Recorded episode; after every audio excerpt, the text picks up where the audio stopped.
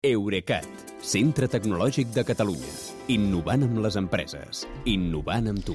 Una altra vegada, Albert Cuesta, bona nit. Doncs una altra vegada, bona nit, Kilian.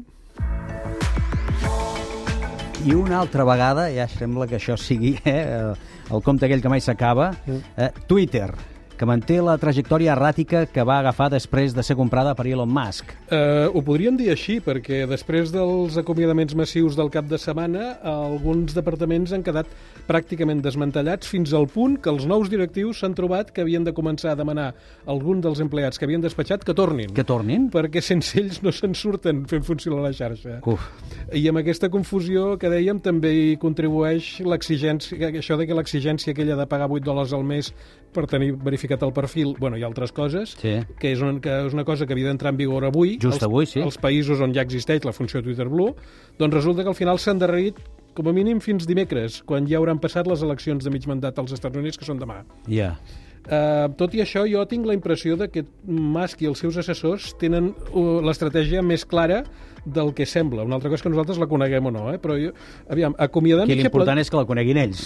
Sí, sí, clar, sí, clar. i, després, saben. I després, quan ho hagin fet, ja decidirem si ens agrada Exactament. o no. Però, aviam, acomiadar mitja plantilla, eh, hi ha gent que li sembla molt dràstic, però en realitat Twitter tenia una despesa en desenvolupament que era desmesurada en proporció eh, sobre la seva facturació.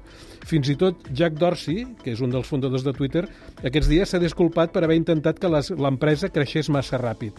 En tot cas, ara ens crida molt l'atenció que Twitter acomiadi 3.500 persones, però pensem que quan Satya Nadella va desembarcar a a Microsoft eh, com a conseller delegat, en va despatxar gairebé 18.000 i alguns encara recordem l'escabatxina que Steve Jobs va fer a Apple quan va tornar a l'empresa on l'havien fet fora, i ara ves-li al darrere. Per tant, pel que dius i es desprèn del que dius, malgrat tot, tu li veus futur a Twitter. Aviam, jo el que veig és que el nou equip eh, està fent canvis que als usuaris potser ens agradaran més o menys, però que poden ser bons pel seu negoci. Per exemple, quan ara li envies amb algú l'enllaç a un tuit que ha publicat algú altre, a l'adreça eh, s'hi afegeix, quan fas el copiar, s'hi afegeix automàticament un codi de rastreig que la setmana passada no hi era i que probablement conté informació sobre tu com a usuari de Twitter, que és una informació que després eh, pretendran explotar comercialment o d'alguna altra manera.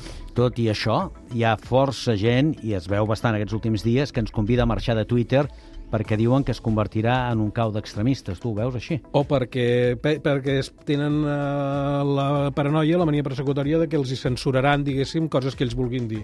Uh, aviam, aquesta possibilitat hi és, però jo trobo que s'ha magnificat, perquè amb les eines actuals que Twitter ofereix, tu hi pots portar una vida digital perfectament pacífica, sense haver de patir ni bots, ni trolls, ni altres indesitjables. Això sí, el que has de ser és molt estricte amb qui segueixes i de qui vols veure respostes i notificacions. Si vas a Twitter amb el lliri a la mà i disposat a llegir tot el que l'algoritme et posi per davant, estàs perdut. O sigui que tot depèn de l'ús que en facis. Clar, això del lliri al mar sempre sempre acaba portant a un mal de sí, cap, sí, eh? sí. Però si tot i això volem canviar, preferim canviar de plataforma, la gent es pregunta on hem d'anar. Hi ha alternatives a Twitter?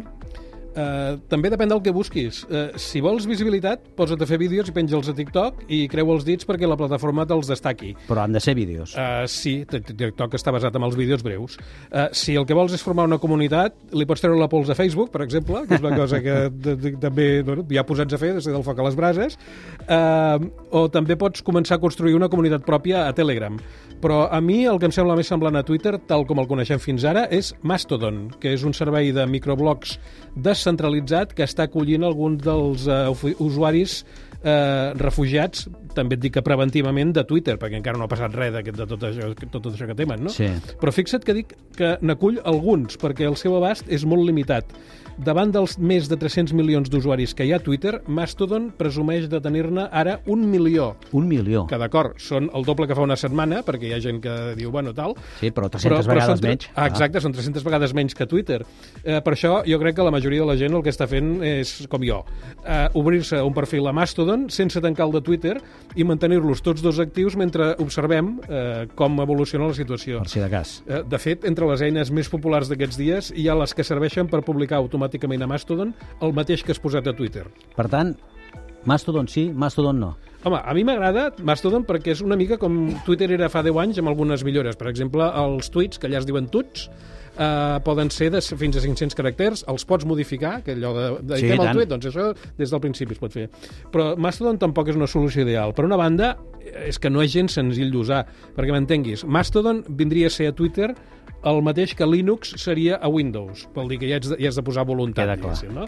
I per l'altra, eh, si el que t'amoïna és la llibertat d'expressió i tot plegat, potser eh, pots, pots acabar això eh, patint, un, patint una mica, perquè a diferència Allò de... del foc cap a les brases, una mica. Sí, perquè, aviam, a, a, a diferència de plataformes centralitzades on mana un únic amo, que és el que passarà ara a Twitter amb, amb Musk, però també passava abans amb els anteriors, eh? Sí. Uh, L'amo de Mastodon és el propietari del servidor on t'has donat d'alta, que és qui estableix les, les seves pròpies regles pel contingut eh, que poden ser diferents de les d'un altre servidor. Vull dir que l'adreça de, de, la teva adreça de Mastodon mm, conté el teu nom d'usuari i el nom del servidor amb el qual t'has donat d'alta. Entre ells estan tots connectats, vull dir que tu pots veure els tuts que hi ha al teu servidor i els tuts que hi ha amb els altres servidors.